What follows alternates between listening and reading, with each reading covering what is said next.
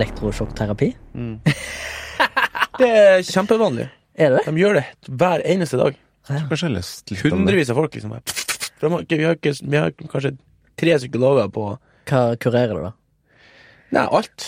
Det er litt, sånn- det er litt sånn, sånn jus- og årelatning i gamle dager. Altså, vi har ikke noe alternativ. Vi har ikke råd å ha folk Altså, vi har ikke råd til å ha man on man, man on woman. Altså, at folk tar seg tid å snakke med han Remi. Det blir bare ti minutter. Det går. Ja, ja, ja. Det går et, de har et kvarter, da sitter de sånn her. Du må bestille dobbelttime hvis du skal ha en halvtime. Nå koster det deg skjorte? Da får Ja. de ha fem minutter lenger. Ja, ja, Jeg prøvde det, er bare tull. Jeg var på dobbelttime, det har et kvarter den òg. Men det er betalt sikkert mer. Eller han fikk mer for staten, i hvert fall. ja det gjør han. Ja. Nei, men vi er på lufta, vi. Vi skulle jo tatt en uh, vi, har, vi har jo snakka om at vi skulle hatt en sånn sinnssyk Ikke sinnssyk sy- Psykisk helse Ja, ja. Og film. og film. Vi blander inn film der, da, litt. Vi har jo hatt det litt grann i Joker-episoden, da, kanskje. Ja, men mer sånn rundt oss, vår helse. Ja, Jævla fornorsking. Joker. Joker. Men litt sånn rundt uh, vår helse da, som filmarbeidere og liksom Ja, mulig. frilansere, ikke minst. Jeg tror det er mange som går på en stressmell. ja ikke minst hvis at uhellet er ute. Hvis at du Hvem redder deg? går på veggen. Ja, Da, er du, da henger du Da er du plutselig helt alene. Ja. Fant jeg ut. Ja. Men det kan vi ta med en annen gang. Vi kan, vi kan ta det en annen gang, men det er interessant å diskutere. Ja. Helt enig. Veldig. Velkommen til Flashback, en podkast om film og sånt. Ja. Mitt navn er Baba Tunde fra Oslo. ja, ok, det var det jeg venta på. Jeg heter Remi, jeg er fra Haugesund, men bor og jobber delvis i Oslo. Morten fra skogen utfor Mo. Ja. Hva heter gården din, har du noen gang sagt det? det Der du kommer fra? Uh, ja. Heter den eh, Bynvassdalen Bynnvassdalen 70 heter det. Bynnvarsdalen? Ja. Det er, Bjørnadalen er liksom det gamle, men Eller Bynvarsdalen er det gamle, men så fornorska han det til Bjørnadal. Bokmål. Ja. Og nå har han forandret tilbake igjen iallfall adressenavnet til Bynnvassdal. Bynnvassdalen. Og der er bare vi eh, Bynnvatnet og Bynpallen Og Sørlia og Nordlia. Og Kovhørn. Kunne du hete Morten Bynnvassdal, da? Egentlig. Nei, blir litt Kan du hete Morten Kovhøl? Ja, det kunne jeg sikkert gjort. Kovhørn. Kovhørn. Ja, Kovhørn. Og jeg eh, har spekulert på hva det betyr, og det er liksom sånn fordypninger i landskapet når du går opp i en sånn skråning, så jeg tenker sånn at de hørn, altså hullene, Hørn, hør, hørn, hør, kov igjen om vinteren med snø. Ah, Kovhørn, der er kovhørn. Det her er ikke arrester meg på det, jeg har ikke peiling. Jeg bare bor der. Bodd der. det er kult. Ja, i dagens eh, episode skal vi se på to kortfilmer som ligger på Vimeo.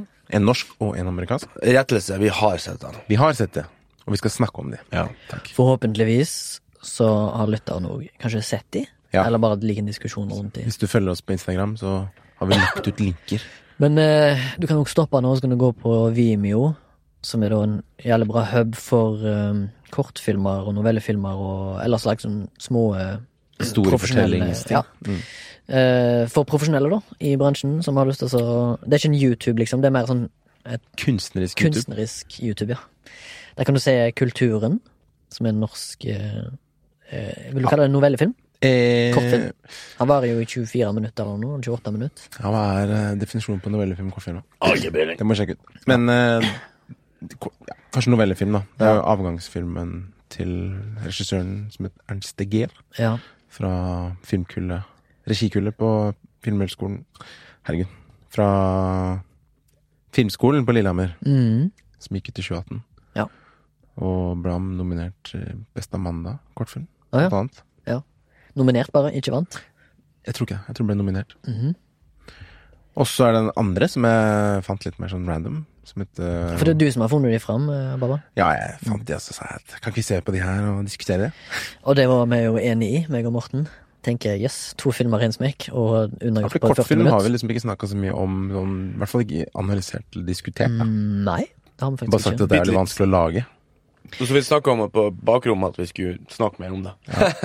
Ja, men eh, det er jo, som du sa, da, det er jo vanskelig å lage, vanskelig å skrive, vanskelig å analysere. Mm. Hva det egentlig handler om. Fordi, som Morten har vært inne på flere ganger, og kanskje du, Baba, er at eh, du skal formidle en følelse, som regel, i en sånn film. Mm. Du trenger nødvendigvis ikke å være en arkstruktur på det.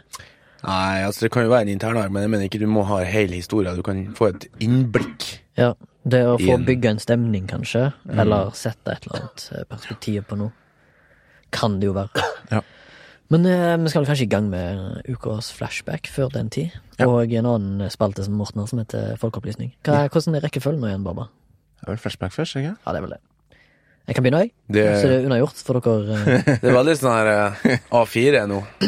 Vi må ha den først. Ja. Skal ikke jeg være Jeg bare sånn Jeg har litt influensa, så jeg er kanskje litt sånn pessimistisk. Der. Og jeg har dårlig hukommelse, så jeg kom til å snakke om en film som muligens jeg har snakket om før, men jeg er usikker. Og det er da jeg var for litt siden, ganske kort tid siden, og så The Lighthouse Mm. av Robert Eggers, med da William Defoe og Robert Pattinson i hovedrollen.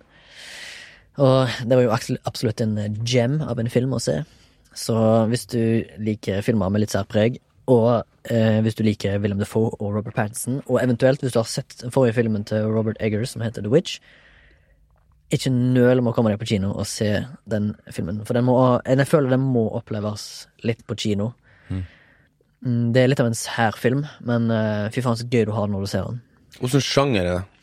Det er litt sånn eh, isolasjonsdrama med litt sånn drømmeaktig perspektiv, da. Er det på en måte et slags kammerspill med bare dem to? Det er bare de to, ja. Men eh, det er helt nødvendig for historiens fortelling, da. Ja. Jeg visste nok så, jeg så et intervju med Robert Eggers. Han hadde funnet Han hadde ikke funnet historien, men han fant ut at det var vel på midten av 1800-tallet så var det noe, to walisere som hadde vært isolert på en, en eh, øy, da, som hadde en sånn lighthouse, og at de har liksom blitt galne, da, av å være der, isolert så lenge, fordi at eh, de blir jo aldri redda derfra av dårlig vær, som varte over mange måneder, visstnok. Så det er jo en sann historie, da. Så Robert Eggers har liksom Og han og broren har skrevet manuset. Og så har de Det som er med Robert Eggers, han går så jævlig inn i det. Så han har skrevet eh, Manuset er jo liksom skrevet som om det var språket fra den tida, da. Han har liksom basert Robert Pattinson sin, karakter har han basert på en sånn dialekt som eh, folk som jobber i sånn trefellingsbransje og skogbransjen, da, snakket, eller noe sånt. Mens eh, William Defoe, som spiller en eldre, tidligere sjømann, han snakker sånn jævla pirataktig språk. Det er helt sjukt, liksom. Men er liksom, han har visstnok funnet bevis på at de snakket sånn, da. For eksempel så sier William Defoe sin karakter istedenfor you, your, så sier han yeah! Yeah. Og sånne ting som det. Yeah! Altså, han, eh, han er jævla Put your shoes on the door. Men det er veldig sånn gammelmodig språk, da. Det digger jeg. Så jeg skjønner ikke hvordan folk som har engelsk som førstespråk, som ikke er vant med for eksempel å se kinofilmer med tekst, at det ikke kan ha tekst på denne her når den vises på film eh, på kinoer i USA, for den er he helt nødvendig å ha tekst på for å fatte det språket. Og det samme var jo med The Witch, hvis dere har sett den. Det er jo en handling som foregår på 1600-tallet, så da har de jo skrevet så likt som de kan få det, da, til å, at de, karakterene snakker det språket de snakket der og da. Så det er mye sånn der thou og die og sånne ting som det. Ja, det blir ikke det jo som altså, Jeg tror jo for uerfarne norskere så blir de sikkert litt sånn forvirra, både bergensk og uh, nynorsk og Jo, jo, fair enough. Så Men liksom, her, eh, her må gå det jo, for eksempel The Witch går jo tilbake 400 år, liksom, Jo, jo. i språk. Og det er visstnok ganske godt research da på akkurat det språket, så de må jo ha brukt veldig lang tid på det. I tillegg så er filmen svart-hvitt, og i sånn 4-3-aktig format. Jo, fine farger, farger, du skulle si. Svart-hvitt og fine farger, du. Er 4-3-format. Jeg skulle spørre om det. men, Jævlig bra lydmiks og design. Ja. Hva syns du om valget om å ha det i svart-hvitt, liksom? Du har jo ikke sett den i farger, da, men hva Nei. gir det filmen? Det gir jo den eh, med en gang den klaustrofobiske følelsen at de er på trange plasser, og det liksom, de må squeeze disse karakterene inn i en eh, mindre ramme, Ja. som gjør at du føler det, det er liksom så arthouse det går an få det, da, med å komplementere plottet og liksom det som skjer med bildekomposisjon, som da gjør det 4-3. trangere. Ja, det, han gjør det trangere for vieweren, da. Vil du forklare hva det er? Ja, det er jo det gamle standardformatet som kom før widescreen. Ja. Der, Så hvis du Der liksom eh, formatet er liksom at det er fire Og så er det tre, Fire høyder og tre lengder, Ja. kanskje? sant? Og så hvis det Ok, se på sånn som wi- widescreen. Widescreen er jo 16.9, da, formatet. Er liksom i høyde og bredde. Det er jo som hvis man ser en gammel, gammel, gammel film på YouTube, så går den ikke helt ut i bredden. Ja. Det er vel Måte. det. Takk for at du minte meg på at jeg må forklare begreper. Nice. Men jeg tror ikke det er direkte 4-3, det er et annet eh, sånn ratio. Men det er tilnærmet likt 4-3. kult. Fy faen, det var lang, eh, en lang eh, Ja, men jeg har tirade. fått tilbakemelding at du er flink, så Kjør på. Så bare, bare prøve å melke det her. Ja, ja, ja. Ja, men jeg har jo Jeg vet litt om filmen, så det var gøy å høre på. Ja, dere, Hvis ikke dere to har sett den, så må dere faen meg springe. Ja, ja. Spring før den går ut. Den går vel litt til.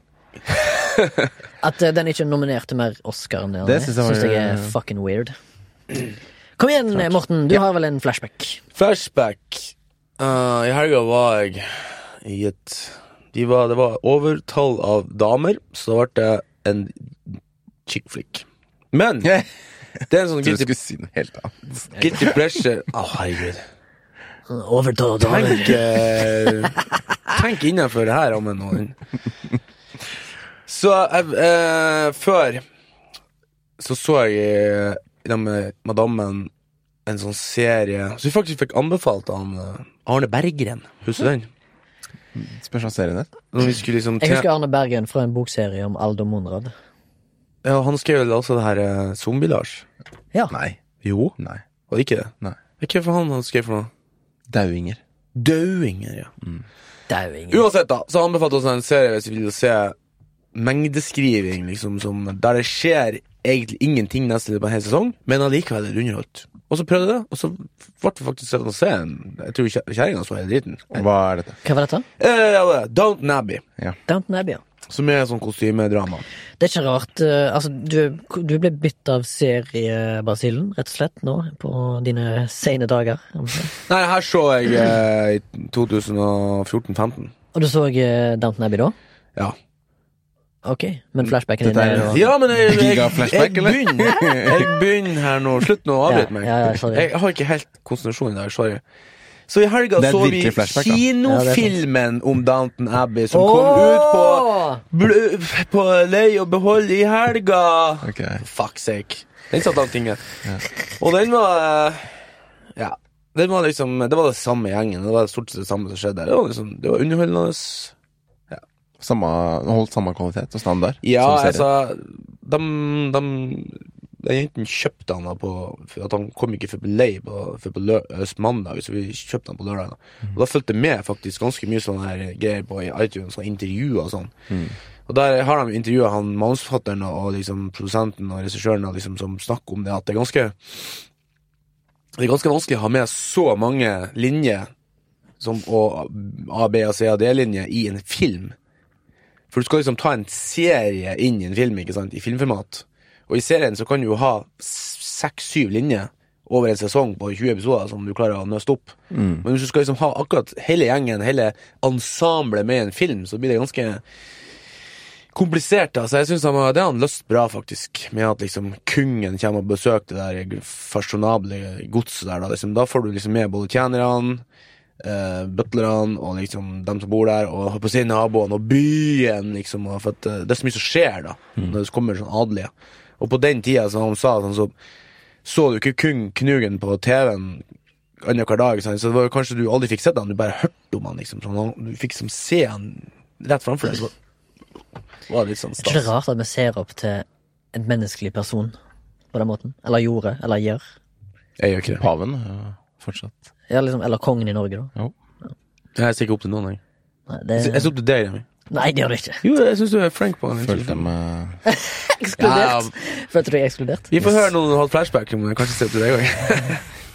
Ja, det var hyggelig sagt av Morten. Nei, men uh... Bare bare følelsesnytt. Nei, det jeg mener, er liksom at jeg ser opp til en mann i gata. Det er bra. Ser ned på dem som er oppe. Jeg er an- anarkist og kommunist og alt mulig. Nei, du, vent litt. grann. Hva var jeg skulle si nå? At var jeg ferdig nå? Uh, skal vi se Down Nei, du sa at han hadde løst det godt. Ferdig. Mm. Eh, Babalish. I will keep it short and sweet. Jeg har ikke sett så mye, men jeg fullførte 22. juli-serien på NRK. Oh, ok. Og det vil jeg kanskje si at det er den best, beste norske serien jeg har sett noensinne. Noensinne. Ja. Jeg har ikke sett alt, da. Men eh, Du har ikke sett alle serier. Av de seriene du har sett, så er det det beste du har sett? av de seriene jeg har sett Har du sett mange serier? Ja. To? Jeg har ikke sett så mange, men uh, jeg Er føler at liksom, jeg har fått liksom Ja, man vet i hvert fall uh, Ja, men det er et godt stykke det. Det, er, det er Jeg følte liksom alle episodene var underholdende og, og kunnskapsrike. Altså, de delte Du lærte så mye da om alt. Situasjonen rundt og karakterene. Mm. Uh, det var liksom ikke kjedelig. Um, seks episoder. Ja, Og- det er ganske fyldige episoder. Det er mye i hver episode. Ja, og det er liksom godt skrevet og gode karakterer og Faen, bare Det må drikke veldig dyrt, da. De har liksom ikke spart på kruttet, da. Og også, også liksom fortalt en respektfull og ærlig Så vidt jeg kan se, og det jeg vet da rundt Sean Drule, at det liksom prøvde gjort det så bra som mulig, da. Enig. Pluss Eh, uh, rollegalleriet òg er veldig bra. Ja, nydelig. Mm. Og flinke skuespillere. Så jeg håper at denne liksom serien når ut, da. Utenfor Norges grenser. Eh, Og liksom kan være Ja. med på å lære andre om alt som skjedde, da. Eh, Og liksom På en mindre action-måte. Ja, det tar det liksom mer sånn Beinhardt seriøst. drama, liksom. Ja. Med litt røtter i virkeligheten. Masse røtter i Og virkeligheten. tar, tar seg selv liksom Må jeg ikke bruke ordtaket feil, liksom feil nå. Den tar liksom Liksom som Tsjernobyl, da. Nå er ikke den lagd av russere, men du, du tør å se på feilene som ble gjort, da. Ja. Og, Og det gjør og anerkjenner de. Ja, ja, det det gjør det de. jeg mener er så bra. Men følte du i Nå vet ikke jeg om du har sett alle episodene eh, Morten eller Munnbaba har. eh, om du følte at det var Om de kritiserte veldig mye av politiets gjennomføring, da? Eller Eh, det, som, det var vel uh, mange episoder de gikk gjennom, eller to episoder i hvert fall hvor de kritiserte veldig. Ja. Én var jo bare retta mot det. Ja. Og det Men du, det var jo tekstplakat på slutten. Ja. Der det sto at Aftenposten hadde jo fokusert veldig mye på det feilet feilet som ble begått. Mm. Av blant annet politiet, og selvfølgelig mange andre instanser. Men Mm. eh, det er kanskje litt viktig å belyse òg, for det, det har vel ført til en litt form for reform? Selvfølgelig, det er jo Altså ikke, ikke TV-serien, men Nei, altså men- hendelsen. Ja, ja. Det, annet Og, altså det- eh, og at kommunikasjonssystemet, hadde ikke det? Ja. Det var masse som ikke funka. Jeg, jeg, visste, jeg visste for eksempel ikke det med at den båten, første båten med de spesialsoldatene, skulle over. At, de var, at den var for tung, liksom, så de ble stranda. Visste du ikke det? I tillegg til at de tok han ifra en øy som var tre-fire kilometer vekk, Ja, det var istedenfor sånn- å ta han fra Utvika kai. Det er jo helt krise. Jeg leste jo boka til Åsne Seierstad, en av oss, Mm. og der forklarer jo hun òg at den lappen som havna på kontoret, som ble Ja. oversett, det jo skjedde jo. Ja, ja, det De kunne jo ha, de kunne ha tatt han nesten immediately før han kom ut av Oslo, for de hadde skiltnummeret hans på den leiebilen, hadde de på den pulten. Men jeg tror, jeg vet ikke hvordan det ble framstilt i serien. Men Ja, hvis jeg husker jo, det blir lagt på pulten, og så slenger en annen ting over. Ja, og så tror jeg det, skjer i et sånt vaktskifte, sant? Fordi at det her skjedde jo klokka 15, som er vanligvis er sånn vaktskifte 10. 15-ish, husker jeg. Og da gikk det i glemmeboka. Den lå Ja. der i 40 minutter før han ble oppdaga. Og da var jo han allerede på Utøya, liksom. Ja, ikke sant? Og det med at det var bare én person på den sentralen i Hønefoss Ja. politistasjon. Men feil kan jo gjøres, men det er viktig at man lærer av det. Og det mener jeg at Norge på en måte gjorde det etterpå, da. Men Takket det er jo, være altså det er jo Ja, men litt av det der sånn at det var bare én person på Hønefoss og sånn. Du, altså, du kan ikke sitte og forberede deg Nei, på masserasmannen hver dag, liksom. Nei. Så at, vi kom, at det kom litt som julekvelden på kjerringa på oss der, det, det kan jeg nesten forstå. For at vi har jo ikke sett noe sånt siden, siden andre verdenskrig i Norge. Nei, men på en måte et sånn beredskapsgreier kan gjøres, da. For eksempel eh, Dårlig eksempel, egentlig, men jeg jobbet, Før så jobba jeg på en, en gassplass. Så hvis det var noe som skjedde der, så var det Det var jo en gjeng med folk som hadde mye peiling på dette her, som De, de kan jo ikke jobbe hele tida, som har peiling på gass og sånn. Så de har jo sånn eh, skiftordning at når de er hjemme, så har de vakt hjemme. Sånn sovende vakt. så de, de kan mm, for eksempel ikke drikke alkohol. For I tilfelle sånne ting så det skjer, sånn at de kan være der på veldig kort varsel. Det burde jo for eksempel politiet i Hønefoss hatt. At de kunne tilkalle folk ekstra Tilkalle ekstra folk fort.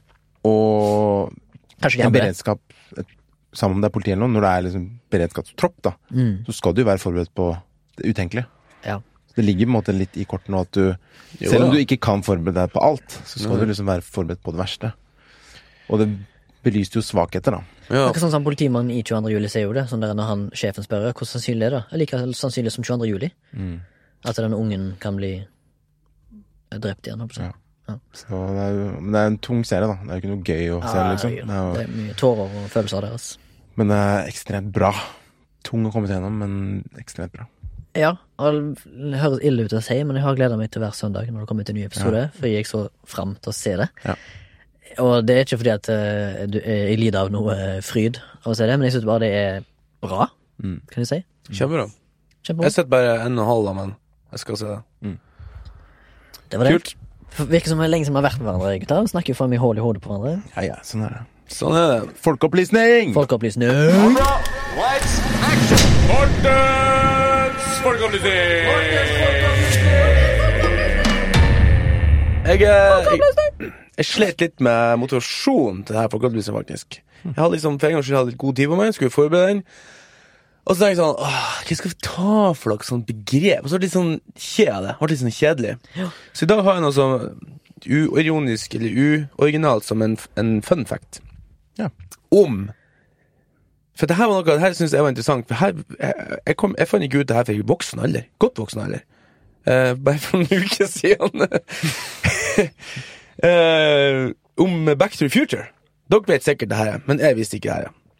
Altså Den Back to the Future som man kjenner fra 1985, med han eh, Michael J. Fox, jeg skrev den her nå, Christopher eh, Lloyd For Lloyd, Lea Thompson, eh, Crispin Clover og Thomas F. Wilson. Bare for at det var Marty, Emmett, Lorraine og McFly og Biffen.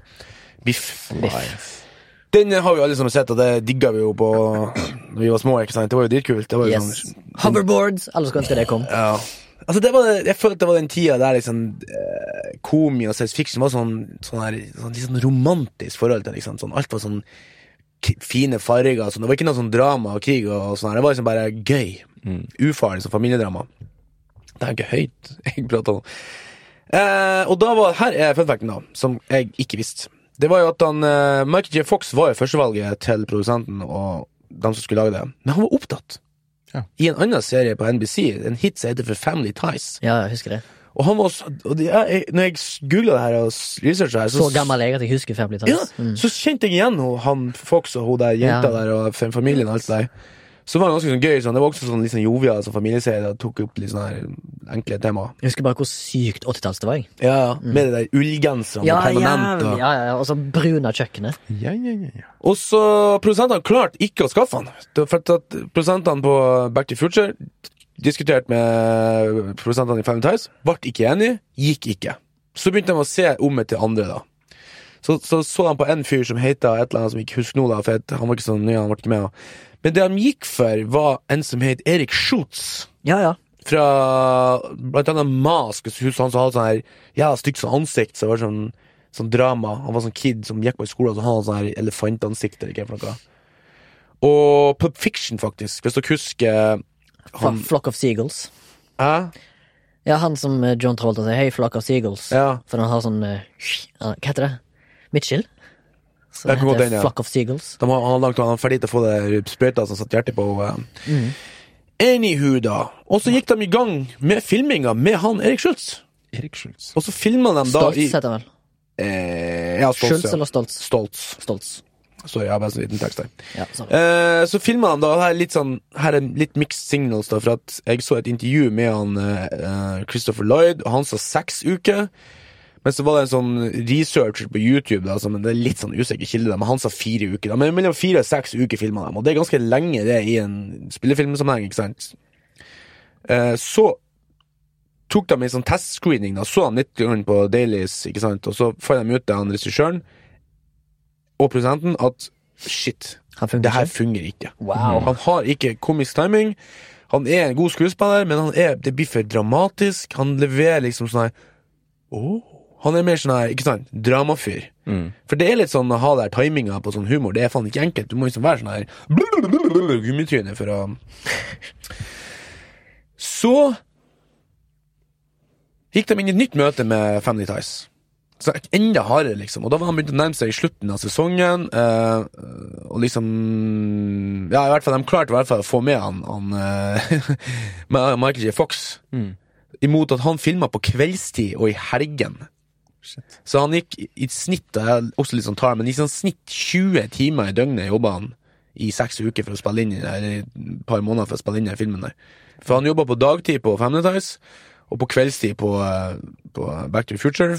Og alle dagscenene i Back to the Future spilte han inn i helgen, liksom, for da spilte de ikke inn Family Ties. Så han jobba liksom basically døgnet rundt. Ja. Herregud. Og Christopher Lloyd han sa jo det at eh, han jobba så hardt med å finne karakteren han Emmett Bryan. For han er jo veldig karismatisk fyr, da. I de første seks ukene han jobba med han uh, Han Scholz. Stoltz. Men han klarte aldri å finne karakteren, liksom. Så han holdt på å jobbe seg i hjel, liksom. Så når han liksom fant ut at han måtte gjøre det på nytt, så fikk han nesten heteslag, ikke sant. Men det han innså liksom, da de møttes, første gang de møttes, tenkte han sånn Oi, det er kjemien. Og så trengte han nesten ikke å jobbe så mye, ikke sant. For da fant jeg karakteren, de spiller bedre i dag, og liksom kjemien var der, ikke sant, fra starten av. Så det syns jeg var spennende. Og det er faktisk det, det ene scenen inne i det, det restauranten, det gatekjøkkenet, når han uh, Michael J. Fox puh, knocker ned han Biff, ikke sant. Han er jo bitte liten, men han knocker ned. Så er det faktisk, hvis du freeze-frame akkurat når han blir slått, så ser du det at han som slår, er litt høyere og har litt mørkere hår enn han Michael J. Fox, og det er faktisk han Stoltz. Morsomt. Så man bare bruker det, man gidder ikke å filme akkurat det på nytt. Å ja. Fun Så- fact. Så du kunne faktisk ha klippa nesten hele filmen med Hvis at de ennå sparer det. Men han Erik Det Tenk er å ha hatt så god tid i norsk filmbransje. Bare kunne utsette produksjonen pga. Ja, ikke sant? castingtid. Ja. Ja. La, la, la, la meg lage to filmer liksom, på en. Ah, ok, ferdig med den. Kult. Ja. Moral of the story er alltid vær forberedt. Gå for magefølelsen, tenker jeg. Ja, kanskje Ja. det. Mm. Hvis han var skrevet til rollen, så ja. Ja, Men var det, det var regissøren som ville ha han? Eller produsenten? Ja, produsenten. Okay. Kult. Kult. Det var blant annet eh, Steven Spielberg var executive. Ja. Så han var i det møtet der han bestemte seg for at han måtte sacke han eh, Schultz. Mm. Stoltz. ok. Yes. Skal vi da hoppe inn i kortfilmen, da? Det kan vi gjøre. Og da Nå ante vi jo at eh, folk har sett de. Så Ja, eller vi- bare hvis du vil lyst til å høre om, høre om den nå, så kan du se det etterpå. Ja. Det er alt etter sånn. Så vi går ikke inn i noe synopsis. Det kan vi godt gjøre. Vi går ikke inn, eller vi gjør det? Sa det. På eget ansvar hvis du lytter. Um, Hva som tar først, da? tenkte eh, vi kunne begynne med kulturen, jeg. Det norske. Ja. Så dette er da en film Jeg kan godt fortelle fortelle litt, du har så syk peiling. Dette, jeg har ikke syk peiling. Eh, Dette er da en film av eh, Ernst de Geer, og det var en avgangsfilm, som sagt, på Norsk Filmskolen i Lillehammer 2018. Som Det tok litt tid før jeg liksom skjønte det, for den gikk så fort inn i handlingen. Men den handler om eh, en som heter Arvid, eh, som er på et slags forestilling, konsert.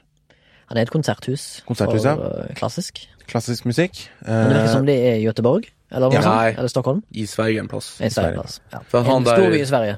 Andre fyren er fra konserthuset i Göteborg. Ja, nettopp. Ja, Ja, det er ok, så det er en norsk Nei, det er en svensk storby, da. Ja. Kan nok anta. Men han fiksa i hvert fall en erstatter for eh, Jeg vet ikke om hun Er hun komponisten? Hun damen? Eller er hun mer sånn Hun er sikkert komponist, ja. Hun er mer som en dirigent. dirigent? Dirigent, ja. Der har du det. Fiksa en erstatter for dirigenten, eh, som er da søsteren hans, Mm. Eh, i Ja. I I koret, da. Ikke koret, men Orkesteret. Orkestret. Eh, men så finner vi fort ut at han egentlig selv vil være Altså, han vil jo være foran. Konsertpianist, eller noe sånt. Ja, Ja. han vil jo bli admired, da. Sånn som hun blir gjennom denne korte filmen. Uh, og så starter det hele med en sånn klein scene hvor han uh, ikke finner plassen sin på Eller han har, en, han har plass i salen, men så er det en annen person som sitter her, da. Og så prøver han å få en person ut, og så er det sånn hysj. Og så- klein. Ekstremt klein, da, men ganske morsom. Og det er egentlig der konflikten begynner, da. For Ja. Etterpå så finner han ut at han personen han krangler med, er da hoved... Hva kalte du han? Han er Sjefs. sjefen i eh, Göteborg konserthuset, da. Ja. Og så handler det om å liksom Prøve å litt brannsjokke litt, og samtidig imponere. Finne sin tid i lyset, da, for han Arvid. I Ja, men selvfølgelig at han er bare, han er bare klein hele veien òg. Ja. Han har liksom ikke noen skam, føler jeg, når han liksom skal være med på de bildene og sånn. Liksom, Han tar liksom Ambisjonen sin går over skammen hans, da. Mm. Ja. Og så er han litt klein. Mm.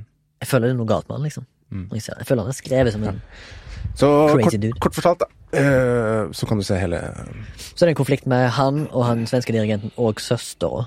Ja. Det er en litt sånn trekantaktig drama, sånn som jeg forsto det.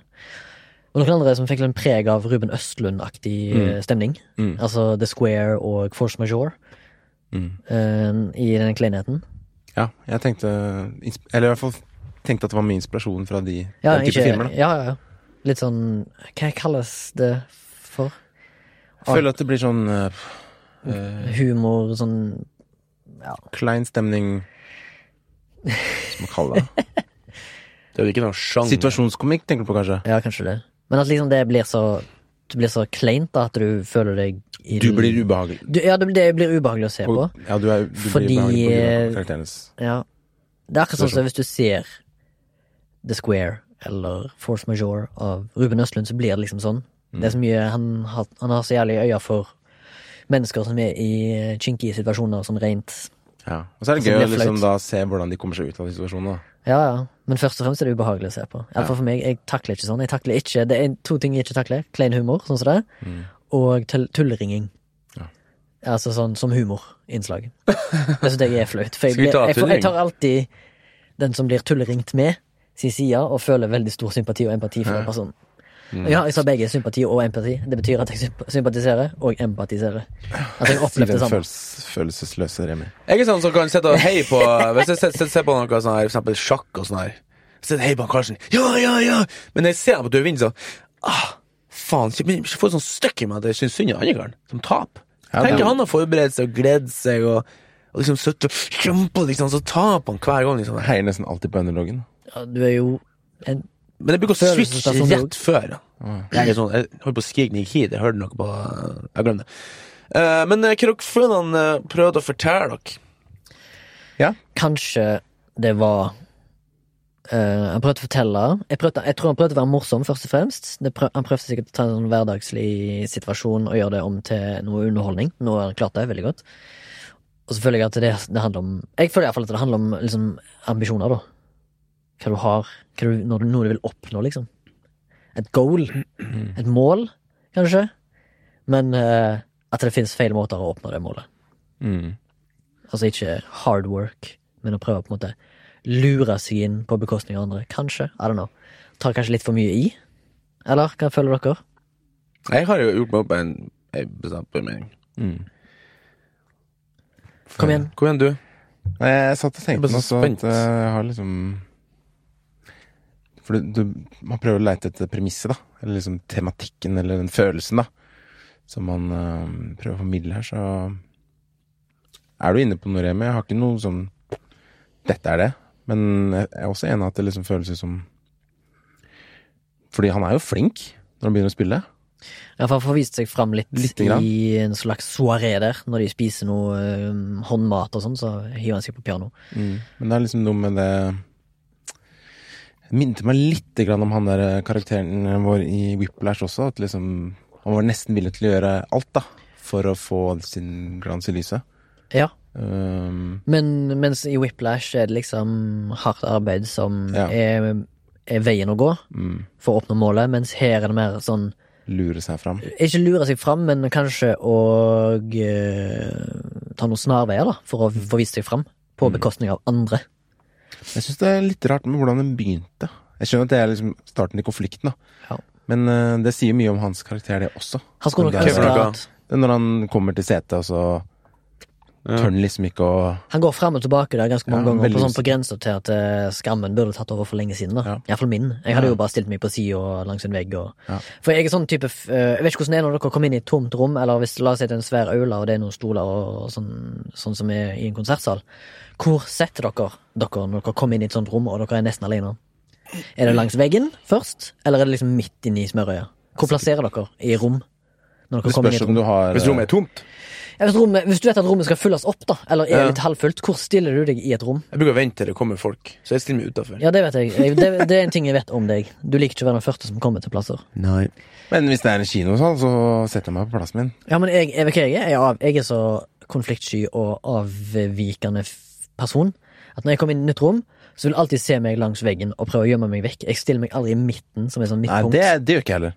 Nei, men det, den, den type Den type tilnærming da har ikke han Arvid, han, han som spiller i kulturen, han har ikke den barrieren. At han anser det som en eh, slags uh, forsvarsmekanisme, da. Sånn som jeg har, for eksempel. Med at jeg kommer inn i et rom, så prøver jeg bare å gjemme meg vekk fortest mulig. Forsvinne i mengden, og heller velge meg ut targets, da, som jeg skal kanskje snakke med, eller sånn at jeg kan unngå mest mulig mennesker. Høres jævlig rart ut når jeg snakker om det, men han, Arvid sin karakter, har litt mer sånn hemningsløs tilnærming til Han hopper rett inn i det. Ja. Ja. Og så driter han i omgivelsene om det blir kleint eller ei. Tenk, og så tenke litt lite på konsekvensene. Men Ja. Det er en grunn for det. Ja. For jeg, jeg føler jeg føler at dere bomma dette. Mm. Fortell. For at ikke heng dere så mye opp i det der piano og det som skjer, og liksom det der dialogen og sånn. For at det som vi har snakka om før, at kortfilmen gjelder kort tid. Du må fortelle mye. Men nå var den her nesten en halvtime, da. Ja, ja. Men ikke sant, det, så husk hva han begynner med. Han står inne i salen. Nei, nei. Det er ikke sånn filmen begynner. Du, skal, du må fortelle det fra første bilde på en Ja. kortfilm. Nå, nå snakker du om nesten to minutter inn. Ja, han, Nei, står, står med, ikke- han står med Nei. ryggen til et, eh, stor, en stor Nei, nei, nei. sal. Sal? Det er ikke det han begynner med. Det. Han begynner med en, et stort åpent rom ikke sant, som alle sammen med en gang tenker at ok, det her er offentligheten. Ok, neste bilde er Er det i salen? da? Og så heter han Kulturen. Der har, der har du, der har du løsninga. Det handler om en mannsdominert kultur Ja. i offentlige rom. Og hvis du tenker på det, så er hele filmen det går ut på. Han føler seg som en alfamel, ikke sant? Han, han driver åren der, og liksom sant? Det er jo selvfølgelig litt med det at han har lyst til å være prestere og sånn, men det vil jo alle manner, ikke sant, i det her eh, patriarkisystemet. Og så kommer han til plassen, og sitter en annen mann på hans plass. Og så blir det sånn! Han gir seg ikke, sånn som vi snakker om. Han kommer tilbake gang etter gang og liksom skal utfordre det her nye utfordringen, ikke sant. Og nesten hver innstilling etter det, så er det en utfordring til den nye alfahannen, ikke sant. I trappa så står han der eh, fra Göteborg, midt i trappa, bare damer rundt. Og så søstera nærmest. Så kommer han inn fra sida og liksom nesten tvinger seg med, for han vil også være en del av Han, han vil ikke miste den, det han følte liksom var alfahann-greia, ikke sant. Og det, jeg føler nesten sånn at du kunne nesten filma to hunder som liksom krangla med et bein eller holdt på å si tispa, ikke sant. Det, det, det er iallfall det jeg fikk ut av det. Kult. Og jeg, tenk, jeg kunne tenkt meg også, i hvert fall det jeg tolka ut av det med tittelen og de første bildene, sånn, for jeg har prøvd å analysere den, etter det er sånn her, ikke sant. Så jeg tenkte sånn at han, han gjør liksom opprør imot alfahannen på slutten, ikke sant, med at han stenger han ute, sant, så blir han utvist fra flokken. Han blir til og med utvist fra sine nærmeste. Hun snur jo. Han står alene igjen. Ikke sant? Ja. Så, så du blir liksom, det er det som skjer med liksom det her eh, brunstoksene oppå, oppå, oppå, oppå Dovrefjell, her bisonene. Han blir for, hvis han blir for gærne, blir de støtt ut av flokken. Sant? Da må han finne seg sin egen, liksom, egen slags mark. For hun gikk på en måte tilbake igjen til han andre, ikke sant? I og med at ikke hun gikk sammen med han. Ja, for det slutta veldig sånn brått. Ja, Han snudde seg jo Men hun gikk tilbake. Hun sto og tenkte litt. Nei, hun følte han andre håper Eller, det her er noe som jeg tenkte, men liksom, jeg føler at liksom, de prøver liksom, å sette litt på spissen. da med, For han heter jo Kulturen. Ja. Hva har med det? Og så er det liksom, det er liksom fiffig, for de har det i en slags kultur, kulturell sammenheng. Men det, da hadde det vært det eh, kulturen Ja, du kan kalle det for kulturen også, da. Så jeg var litt sånn spent på Ok, får vi se noe om kultur, eller får vi se noe om en annen kultur? Så de har liksom gjort det litt fiffig med at de har det i en kulturell sammenheng, og de på en måte beskriver en ukultur i samfunnet. Det at liksom manner skal drive og konkurrere og sånn, det er jo helt idiotisk, egentlig. Ja. Og de har gjort det litt sånn komisk. Litt sånn sånn «Eh, Slutt du, ikke sant? For de begynner jo sånn sånn tull, ikke sant. Det er jo bare sånn her Det er litt barnslig. ja, Han slår ham på fingeren. Ja. Ja. Det er sånn for Og så tar han plast opp han. Ja. det blir sånn satt på spissen ikke barnslig liksom. Han kunne ikke, han kunne ikke engang innlede tapet. Han måtte liksom fake en skade for å liksom slippe å ise tapet. At han, han har vært jekka ned av en annen liksom, sånn mannefigur. Liksom. Ja. Fy faen, altså, Morten. Du er faen meg en klok, det- jævlig fyr, ass. Men- jeg, jeg, jeg mener en jævlig klok fyr. Ikke Her klok, kommer, fyr. her, her kommer kritikken, da. I og med at det er kortfilm, så syns jeg de var litt for feige, de Ernst eller hva det er for noe. For da han kom opp på taket, og de begynte der, så skulle de, de skulle begynt å de skulle begynt å krangle litt med det, for han driter han jo loddrett ut der, hvis dere ikke husker det. Ja. Han prøver liksom å Han skal få han til å ditche søstera, og så gjør han det, liksom. Og det er liksom sånn Hæ? Ditcher du liksom kvinner? De liksom, de er ikke akkurat den maken, men liksom det er liksom Mm. hokjønnet som han har mest kontroll på, ikke sant? Herregud, for en, for en, for en fjott! Du er en taper, du er en loser, du er den dummeste jævelen jeg har møtt. Han blir helt sånn her. Og da mener jeg Da skulle han begynt sånn her Lyse aper og slåss på deg, Så skulle han kaste han utfor. Liksom, så, så skulle han liksom feire, og så skulle han liksom gått ned, liksom. Og så skulle han liksom face konsekvensen fra dagens samfunn. Drepte du han?! Hvorfor det? Her på grunn av han da driter meg ut, ikke sant? For at det er jo sånn som hunder kommer til å gjøre. Hvis du pisser i feil hage, så spiser de opp hverandre. ikke sant? Det er sånn. Og liksom, det her er jo basert på en kjern... Det her er jo basert på et urinstinkt. Det er jo derfor Det, er det er jo det største problemet med oss manner i dag, vi skal prøve å passe inn i et samfunn som vi har vært moderne i 1000, 2000 år. Altså vi har vært pissa i hagen til hverandre i 50 000 år. ikke sant? Så det her er noe vi må lære fra barnestegene. ikke sant? Og nei, du, du har en følelse, men den må du lære deg å kontrollere. Du kan erkjenne at du har den, men du må liksom lære deg å kontrollere den. Det er sånn, Vi, vi skal ikke utvikle oss som individ lenger, vi skal utvikle oss som et samfunn. Og det er det vi har liksom overgangs... er Liksom, overgangsfasen er litt problematisk. Men vi kommer dit med Musiskit. Vi har funnet ut at det her går ikke an å klapse på damene liksom, og skal drive og slåss på, på, på pub. Bare for at vi er, bare for at vi er hanndyr, ikke sant? For vi har instinkt.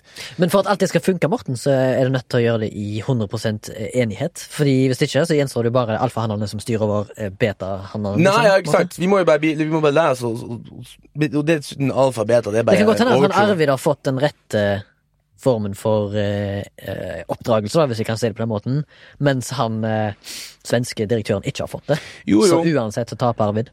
Men han var jo litt sånn som uh, Han klarte ikke å la han bare liksom bli tatt bilde av. da Han måtte inn og Men ikke sant, hvis han hadde kasta ned da, liksom, burde tatt det litt som ekstremt bare for å pro- provosere fram at ikke, Dere må ikke se på akkurat det som liksom, med det pianoet. Sånn, jeg prøver å fortelle noe under, i, undertekster. Og Derfor ble jeg litt glad når jeg kom på det, for at jeg er også veldig glad i undertekster. Så først tenkte jeg sånn Faen, er det han prøver å si? Jeg skjønner ikke, men han så Oi. Så spurte jeg tilbake, og så jeg Når jeg så originalen, da må jeg bare dobbeltsjekke nå, da ble jeg helt sikker på at det, var- jeg tror det er han prøver Kult. Det var en ganske rå analyse. Nå tror jeg jeg ser opp til deg, Morten. ass. Det var veldig eh, Du tok det på Altså, du fikk meg til å tenke, da. Nå skal jeg se den på ny. Mm. Og så skal jeg ta det du har sagt nå, så skal jeg se den med By dine øyne. means. Jeg håper jo at det er det filmskaperen har tenkt. For det er jo sånn man burde egentlig lage film.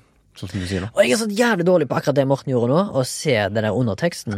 Jeg tolker ting som regel alltid helt konkret. For Jeg håper jo jeg, jeg, jeg har tenkt ikke sånn som du tenkte, men jeg håper jo at det jobber underbevisst, da. På et eller annet plan. Selv om jeg ikke er bevisst på det. Du er ekstremt bevisst på det. Men nå er jo jeg, som du, sagt, som du sier, eksempelvis på det. Jeg liksom trener på det. Og jeg tenker sånn, når jeg ser kortfilm, så sitter jeg kun og ser etter det. Hvis jeg ser liksom tre stykker som springer med gevær i skogen, og en ufo og sånn, så, pff, så pff, slår jeg av. Og det er tusen sånne på YouTube. Og det er bare folk som tester ut og skal lage spesialeffekter. Ja. Men hvis du klarer å lage en film sånn som deg, at du makes me think. Ja, ikke sant? Og det mener jeg så Det er derfor jeg mener at kortfilm er så vanskelig. Det er på grunn av at jeg setter så høye forventninger til innholdet. Sånn som for eksempel når vi så han Denis Villeneuve sin kortfilm. De som sitter og Vet ikke For folk som ikke har sett han, det er folk sitter og spiser rundt et bord, bare, og så detter de gjennom gulvet, og så bare fortsetter de å spise. Bare for å vise at vi holdt på å si spiser oss sjøl i, i grunnen, ikke sant? At vi konsumerer, og vi, altså, de kommer med sånne her utrydningstrua dyr og serverer dem. ikke sant? Jævla fin kortfilm. Vi kan linke til det nå. Ja. Har du navn på han, eller? Du er jo litt uh, halvshady med navn, Morten. Navn fesser jeg ikke. Teflon. Teflon. Jeg husker alt mye annet. Hæ? Jeg husker ganske mye annet. Ja. Men heter han Teflon? Nei, hjernen min. Å ja, sånn, ja. Er Hjernen belagt med teflon. Ja, ja, ja. Skjønner, skjønner. skjønner, skjønner. Men øh, ekstremt bra. Eh, jeg, skal bare, jeg har bare notert noen få ting, og jeg har skrevet da liksom effektiv hvor hver scene ikke, ikke føltes uviktig. Og det er kanskje Ja. føles riktig, da, ut fra sånn du analyserer den. Og så syns jeg det liksom var en enkel konflikt da, som er lett å følge med på. Mm. For jeg tror ikke det er egentlig betydninga. Liksom. Liksom. Men uh, det, som du sier, det trenger ikke være det som er Men Det kan- det virker jo Men Jeg har ikke skrevet det ned, men jeg skrev det ned hjemme. Uh, Det er noe som er inne på litt med det du sa, og det er litt det med du sa. Morten og Baba, altså. Jeg følte filmens tittel eh, reflekterte litt grann av handlingen. Dette her handler om en fyr som er i feil kultur. Følte jeg. Eller han er i en kultur som han ikke er vant med å være i. Så det var litt av det du hadde, men samtidig så følte jeg at det var helt konkret at ska, filmskaperen prøvde å på en måte gjøre litt narr av en sånn slags elite. mm. En sånn kulturell elite. Følte jeg, da. Men sånn, sånn kan jeg være med alt. For eksempel eh, når jeg eh, ser filmen Possession, for eksempel, fra 1981, eh, med Sam Neill og hun faen som jeg ikke husker hva heter. Der det, der det handler om en skilsmisse, eller en, at noen går fra seg, og så blir hun possessed av en slags skapning som fôrer på kjøtt og flesk, liksom, som mennesker. Så vil jeg, når jeg ser filmen, så vil jeg tolke den filmen akkurat sånn, sånn som det er, liksom. Jeg tror at det er en faktisk demon som eh, possesser hun dama, mens i bunn og grunn så er jo filmen en billedlig forklaring på hvordan et eh, breakup kan være, da, Mm. eller en slags paradigmeskifte i et eller annet forhold, eller noe sånt. Så det er egentlig bare billedlig forklart, men jeg har lyst til å tolke, min hjerne har lyst til å tolke det. At universet prøver, det, det universet de prøver å skape, er det jeg ser. Jo, jo. Men det er akkurat det samme når vi snakker om den forrige der ti på topplista, når jeg hadde Annihilation på min nummer én. Ja. Det var mange som hata den filmen pga. at de sa "Hva- for en kjedelig aliensfilm. Det var jo nesten ingen monstre og ikke noen ufoer. Og da tenker jeg sånn, Det er jo to måter å konsumere på. Jeg tenker er jo ingen som har noe Det er ikke en måte som er mer rett enn den andre. Det er bare to måter å liksom lage film og se film på. Og det, jeg driver jo og tolker, overtolker all slags filmer, ikke sant. Så jeg liksom tenker sånn Faen mente jeg med det der, liksom? Og det er liksom mange filmer som lages, kanskje mesteparten av filmene har ikke noe undertekst spesielt. Spesielt ikke Hollywood, tenker jeg, og Marvel er litt nei. Ja. Lite undertekst i hvert fall. Mm. Jeg, jeg, prove me wrong, men har, det har ikke jeg klart å se. Ja. Kanskje jeg er litt sånn blind av uh, raseri når jeg ser det, men ja, men det eh, fins det, det finnes liksom to sider av det å lage film. Du lager en film som alle skal forstå, Mm. og så lager du filmer som skal ha litt mer sånn Arthouse-preg på seg, da. Som forklarer ting med undertekst og billedlig forklaring. Mens du har helt vanlige filmer som holder deg i hånda gjennom hele filmen, og forklarer alt med exp exposition, og ingenting skal liksom bli uforstått, da. mm. Du har liksom to plan, da. Ja, det blir to plan. To Bevisste skiller. og det ubevisste. Ja, nettopp. Det, du får sagt det, du. Men en av dem som faktisk gjør det best å blande dem, vet du ikke det for det? Nei. En god gammel sånn perle som folk har helt oversett av at de slakta når den kom. Jeg tror jeg vet Er hva. det regissør eller film? Film. Jeg tenker det er Starship Troopers. Det er Starship Troopers. Ja. Mm. Det er han Paul Verhoeven. For der dømte jo folk den gjennom hjem, liksom, for det var sånn, nesten sånn, sånn her propaganda for nazismen, liksom, og, eller eh, Nei, nei, det var sånn eh, det var, De mente på at det var en dårlig space shooter-monsterfilm, mens egentlig så er det en film som advarer om, om fascisme. Ja, den, Militærfascisme. Det er en fascismekritikkfilm. Ja. Mens den ble liksom slakta som en dårlig spacefilm med fascismeforherligelse. Liksom. Ja, ja, ja. Men ser men på- pur satire. Oppfølgerne. De Ja. trodde det handla om action. ja, Ja, de tror det, de tror det er konkret. Altså helt Det du ser, er det du får. Ja. Og det, det, det du ser, er det det handler om. Mm. Mens Paul Verhoeven sin Starship Troopers jo Det var jo gjennomsyra av satire og ironi. Ja. det. Jeg så en analyse på den på YouTube, basert mye godt på noe intervju med han der Paul van Hoven. Det er jo helt, det er helt Altså ned, ned i nesten fonten, liksom. Mm. Og dataprogrammene og det ungene Altså, det er helt Og sjukt. altså glorifisering av, av dreping, og eller, Ja. alle smiler og er sånn skikkelig sånn pretty, og alle har sånn chisel jawline. Og Ja, du, du han ansatte vel skuespillere som var kjente fra sånne ungdomsserier og sånn, Ja. For å få liksom skjønnhetsidealene frem òg, i tillegg. Han gjorde alt liksom på Mm. et heftig nivå. Så ser du de kidsene som driver og trykker på sånne her uh, bugs. ikke sant? Ja. sånn You can do your part! ja. Og så blir det akkurat det samme som i Inglorious Bastards, når han sier det at uh, Uh, når du blir fortalt hele livet at uh, rotte er farlig, så frykter du rotta uten å ha møtt henne. Mm. Det blir samme som med jødene og Ja. nazistene. ikke sant? Så ikke sant? Når du da får fortalt hele tida at bugs er bad ja. Mm. Har sett han, Baba? Ja, lenge siden. Men jeg Ja. husker vi så den på skolen med Rodrigo. Visste den. Ja, han da, var jo- da så jeg med de øynene. da. mm. Ikke, det gjorde jeg ikke første gang. Ja. Da så jeg på grunn av hun- Space shooting? hun dama. Ja, ja, ja, ja. Eh, og hva heter hun- hva heter hun igjen? Ah, jeg vet ikke. Hun Ibanez? Denise Jeg husker bare Lee ja, Richards. eh, Denise Den- Richards. Denise Richards. Jeg var ganske ung, da. Men hun, eh, hun var med på bare den. den. Ja, ikke sant? Så Hun hun sånn- trodde sikkert at det var sånn filmen. Hun så sikkert ikke under, hun så sikkert ikke underteksten. Hun. Var det ikke noe shooting? Men den derre Ja, uansett, skal vi gå videre til neste Ja, vi film? film. Gjør det. For det, det blir gøy, da. For den her har jo Fortell hvordan du kom er over denne filmen. eh, Den bare kom opp på Suggesting. Suggest-lista rett etterpå. Ja. Og så tenkte jeg ja, kult. Og så er den litt sånn cinematisk, da. Jeg liker jo når filmer er Den har et veldig ambisiøst ekstremt cover. ambisiøst. Ja, Altså eh, plakaten, liksom. For det ser ut som en eh, nesten som en Denzel Washington-filmaktig. ja. Er, men er den jo liksom uh, Den er bra filma òg, syns jeg. Ja, ja. Fotoet er ekstremt godt. Eh, det er gøy, da. Tittelen her er jo kanskje ikke så undertekstaktig som kulturen. Den heter heter Will the Machine. Jo, vet jeg har en liten Jeg har en liten en på tittelen, jeg. Ja, ok. Uh, handler om en eh, kar som er Eller Will, da. Som på en måte er obsessed med å være best, Ja. rett og slett. Eh, og ja, litt sånn overobsessed med å føle at ingenting er nok, da. At du må liksom gyte mer enn du klarer. Han Så du ser jo at han er trener til han- bare svett hele tida. Ja, trener til han spyr, og vil ikke trene de andre på eh, fotballaget. Han spiller jo da amerikansk fotball. For han mener at de ikke De vil ikke like mye som meg. Han, han sier vel i et sted så sier han De vil ikke være her, men det vil jeg. Mm. Fordi at treneren sier det er lørdag, det er ingen som vil være her. Jo, jeg vil være her. De andre vil ikke være her. Ja. De andre vil ha fri. Derfor er jeg Og han, det begynner med at han jogger til treningssenteret, hvor han da Ja. trener og Og så får du høre noen sånne små eh, snippets i begynnelsen om at han er Han er allerede, han er, han er eh, allerede speila å være talent Mm. på noe radio eller nyhetssending. Så hører du litt sånn klipp om at han er liksom the next sensation innenfor sporten. Ja. Så han har allerede, noe han må, eh, han må vise, da. Eh, Han har allerede blitt sp- forespeila et eller annet slags talent. og så ja, ser vi hvordan dette utarter seg når han møter en eh, Du møter vel han i starten, en afrikansk eh, fyr som også liker Åge, da. Hvor de da, Han er ute og trener, og så viser det at han ikke Han driver ikke med sport, liksom. Han spør om hva du gjør, men jeg bare liker å løpe. Og så er han bedre enn han. Raskere enn han, da. Ja. Så provoserer han skikkelig. Hva syns dere? Eh, jeg er helt sikker på at denne her har sikkert noen kule undertekster og sånn, da, men eh, jeg har liksom ikke helt skjønt hva greia er. Jeg mener, eh, jeg tror jeg vet det hvis jeg bare og tenker skikkelig godt etter, så vet jeg at det er noe der. Fordi at hvis ikke er filmen helt meningsløs.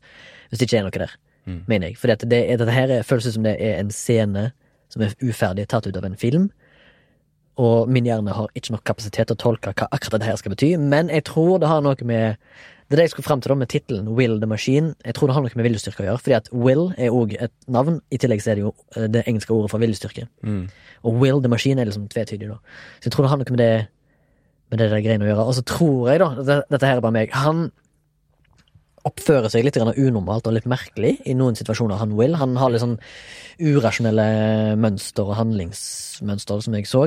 Eh, spesielt for eksempel han sitter i bilen og gomler noe mat, og så ser han på ei jente, og så kikker hun på han, og så blir han plutselig Så speiler han henne vekk, eller han tar til og med en sånn skyggelapp, den, der, den, den som du har i bilen, han tar den foran øynene sine, som er helt sånn what? Og så skriver han opp hvor mye hun trener. Ja. Ja. Og så er han helt obsesst med andre folk, og så ser han en, to gutter som slåss, der den ene er litt større enn den andre, og så Skal han til å gå ut? skal han til å gå ut, og så ser han at det kommer en farsfigur rett opp i det. Ehm, så jeg fikk, jeg fikk Dette her er min tolkning. Jeg fikk et inntrykk av at dette, dette her handler om at han har blitt eh, misbrukt. Ja. Kult. Kan jeg snakke før oraklet Morten kommer til? Ja. eh, det var kult. Jeg har ikke tenkt på det. Men jeg også likte Jeg, jeg føler I- hele, hele greiene er en bilde på at han kjemper seg gjennom og blir Han har blitt misbrukt. Ja. Seksuelt eller ø, emosjonelt, det vet jeg ikke, men Ikke sånn får du det Eller fysisk. Jeg får det fram av det irrasjonelle handlingsmønsteret hans. Mm. Eh, folk som er for i sjokk da, eller i traume, de gjør helt fucka ting. Og han er litt sånn urytmisk av seg sjøl. Jeg fikk eh, litt følelsen av at han har et sånt skall, da. At han på en måte er Han prøver å være tøffere enn han egentlig er. Ja. For det ser du jo på slutten når han eh, andre som heter Joe, som du fant ut, Det var litt kul begynner å liksom nesten slåss med han, og så blir han veldig redd plutselig. Han blir sånn jenteaktig, da. Ja, mens men merka ikke Han ble redd når han satt oppå han og holdt han fast. Jo. Det er jo sikkert akkurat det han har opplevd. Hvis, hvis jeg tolker Ja. rett, at hvis han har vært misbrukt, så har han blitt holdt fast, eller bindt fast, Ja. og ble en unge. Han ble et barn, sant? Men jeg kan også tenke at uh, han Mor- blir så litt Han spør. blir eh, så redd, da, når, når han kommer til det punktet at det faktisk er farlig, da. En utfordring? For eller? ellers er han liksom veldig tøff fram til noen tør å ta igjen, da, hvis du skjønner hva jeg mener. Helt enig. Uh, ja, jeg, jeg, altså, min tolkning er helt på jordet, tror jeg. Nei, men, Fordi hva, hva er Joe sin rolle i dette? Altså han andre som han springer mot. Men det er det som er gøy med det her, at man kan tolke alle veier, og ingenting er feil. Mhm. Um, Det er gøy å se kortfilm. Jeg liker å se kortfilm. Jeg Ja, anbefaler alle sånn, å gå på Vimeo og se noen kortfilmer i ny og ne. Og så bare sånn filmmessig så syns jeg det var mest spennende når det bare var handling. Jeg, synes, jeg, mis, jeg falt ut litt når dialogen kom, for jeg syns ikke det var troverdig. Måten det var skrevet på, og hvordan de pratet Altså skuespillerne leverte, da. Syns jeg. Jeg er enig. Jeg eh, tenkte jeg så han jocken eh, Will, da.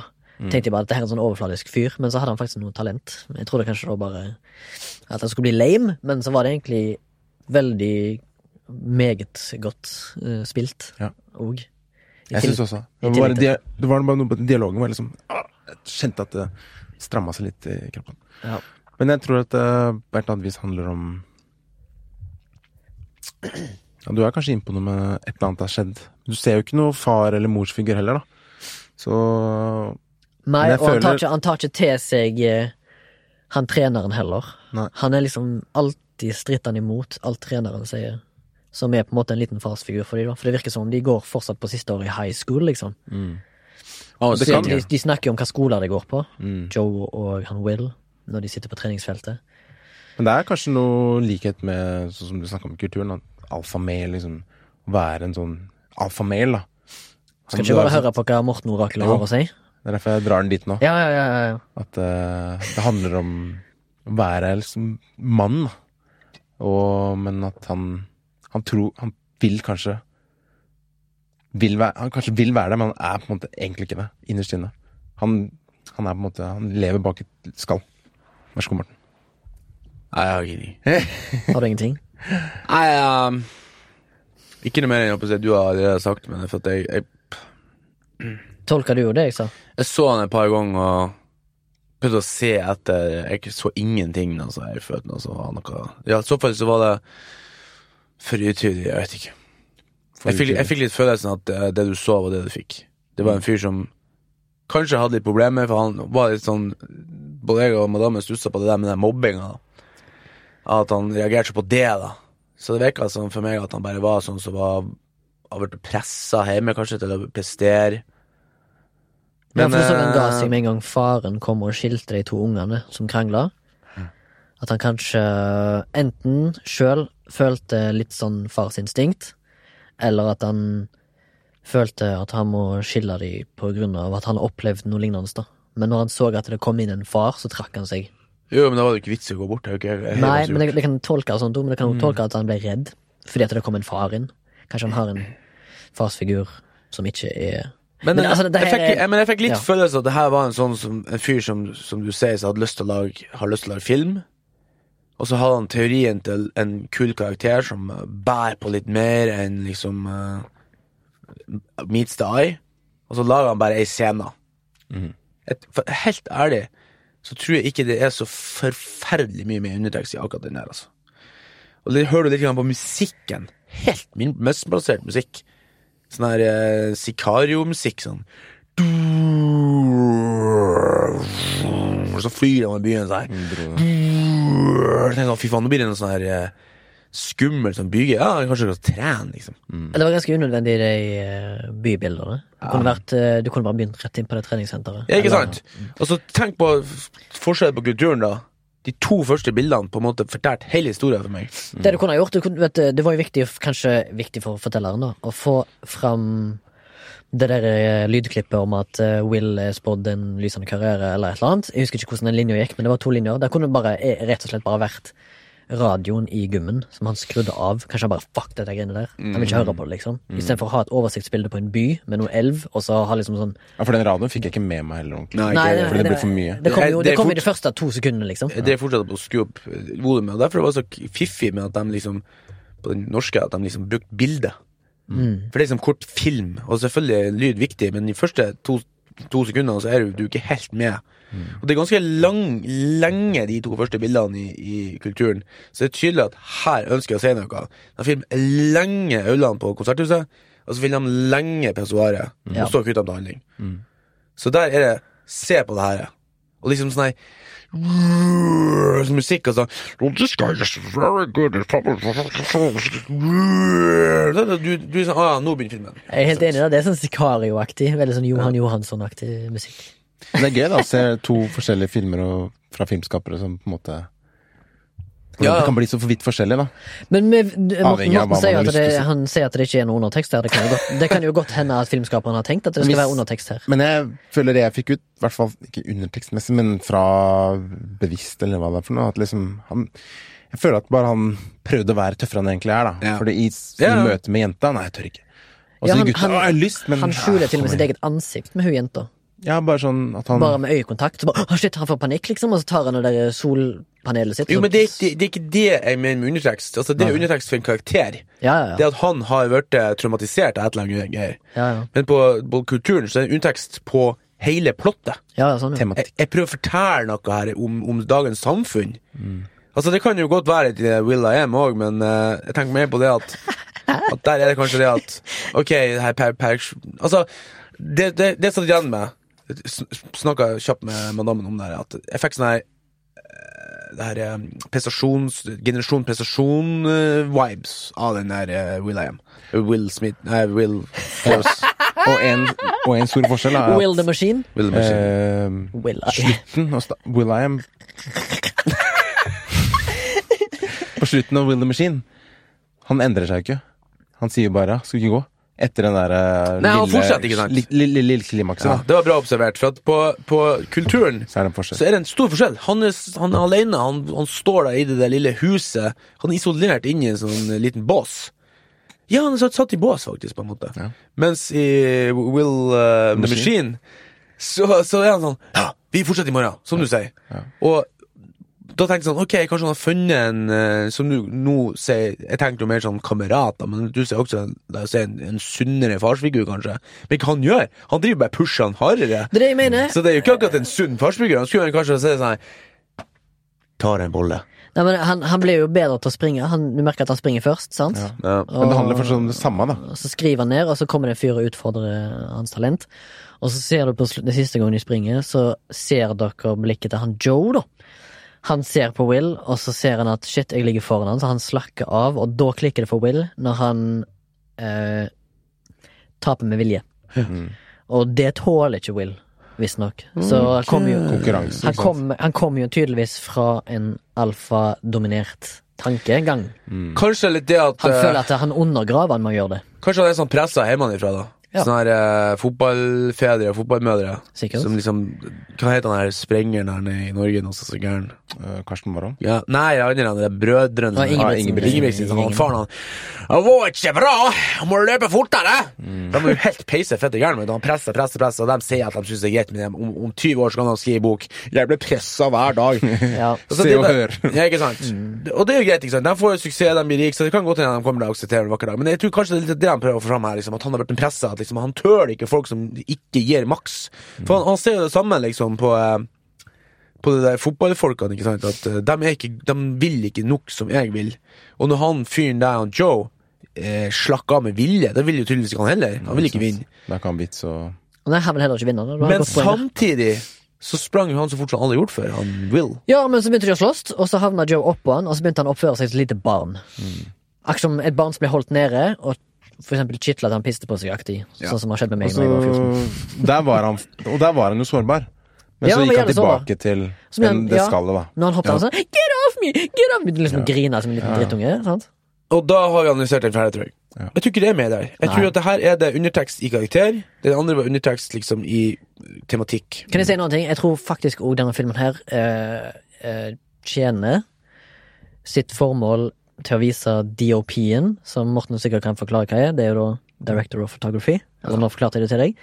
Og regissøren sin showreel. Dette her kan vise til talenter, agenttalenter, eller hva faen det heter. Ja. Sånn at de kan vise Oi, sjekk, dette her kan vi klare, liksom. Mm. Med fargelegging og lyssetting og kameraføring og alt sånt. For det, dette her er det vi kan jobbe med.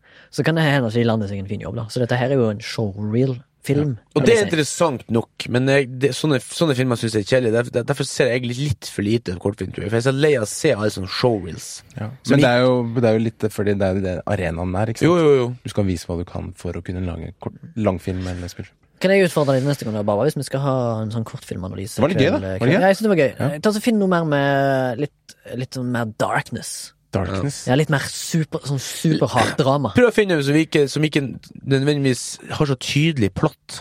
Ja. Det blir sånn sånn rart. Ja, Surrealistisk. ja, noe surrealistisk, noe sånn undertekst, siden du er jævlig flink på det. Kultur, jeg likte kulturen, men ble, jeg, jeg kunne ønske meg noe som var mye mer drama, liksom. Mm. Mer sånn dark shit. Skal vi prøve å finne eh, en hver, da? Ja. Og så, og så tar vi dem litt kortere analyse? Mm. Hvis vi klarer det, da. Men det er jo masse, vi sagt, må det er masse 45 på, minutter, masse på time. Vimeo, så det er jo gøy. Det er mye, det er mye Vi dårlig, mye men det er også mye bra, tror jeg. Mm. Yes. Faktisk så hadde jeg Jeg var kanskje litt sånn prega, for jeg var, jeg, var, jeg var mest spent på den norske. For det, jeg hadde jo også sett traileren på den, husker jeg. Ja, for det var det jeg syntes var så morsom. Ja. Det er så gøy. Og så Jeg tenkte jeg sånn amerikansk må jeg se den driten der. Så så jeg den som eh, faen. Jeg må se en gang til. Det var skjebne litt. grann. Men uh, klarte ikke. Nei. Men eh, vi, jeg syns vi her i plenum. Det er bra. Mm. Group high five! Jeg hørte det med dask av deg, men uh, det var en high five, altså. Opptil flere ganger. Kult. Som sagt, eh, filmene ligger eh, ute på Instagram-profilen vår og i shownotes. Så det er bare å se det. Vimeo. Ja, hvis du går i Jeg håper du har sett shownotes, det så finner du før en vi link. snakket om det. Men du kan også se det etter at vi snakker om det. Ja. Uh, Podkasten er produsert av Soundtank. Vi skal ikke ha den under radaren i dag. Jeg tror ikke vi har tid. Eh, har du en? Eh, nei. Nei. Vi tar det på neste. Ja. Eh, Sondre Myhrvold, som sitter bak spakene. Vi er og nå på Instagram, Flashback og i post. At flashback at soundtank.no. Og så tar vi også imot økonomiske bidrag på Vips for å holde serverne i gang. Eh, ingen av oss tjener på det. Det er bare tjener dere, for da kan vi lage mer. Ja. Det er det null budsjett Nei, null Dette er Nullbudsjettspodkast en non-profit organization. Non-profit. Organisation. Veldedighetsorganisasjon. Ja. Takk for at du lytter på. Ha det. Takk for at du lytta. Takk for at du hørte på. Takk for at du hørte på. Du, ta og så Send denne podkasten til en venn og si dette her er koselig å høre på. Ja. Det Del. tre stykker med tre forskjellige dialekter som snakker om film og sånn. Det er morsomt. Ha det er det. Ha det. Hei.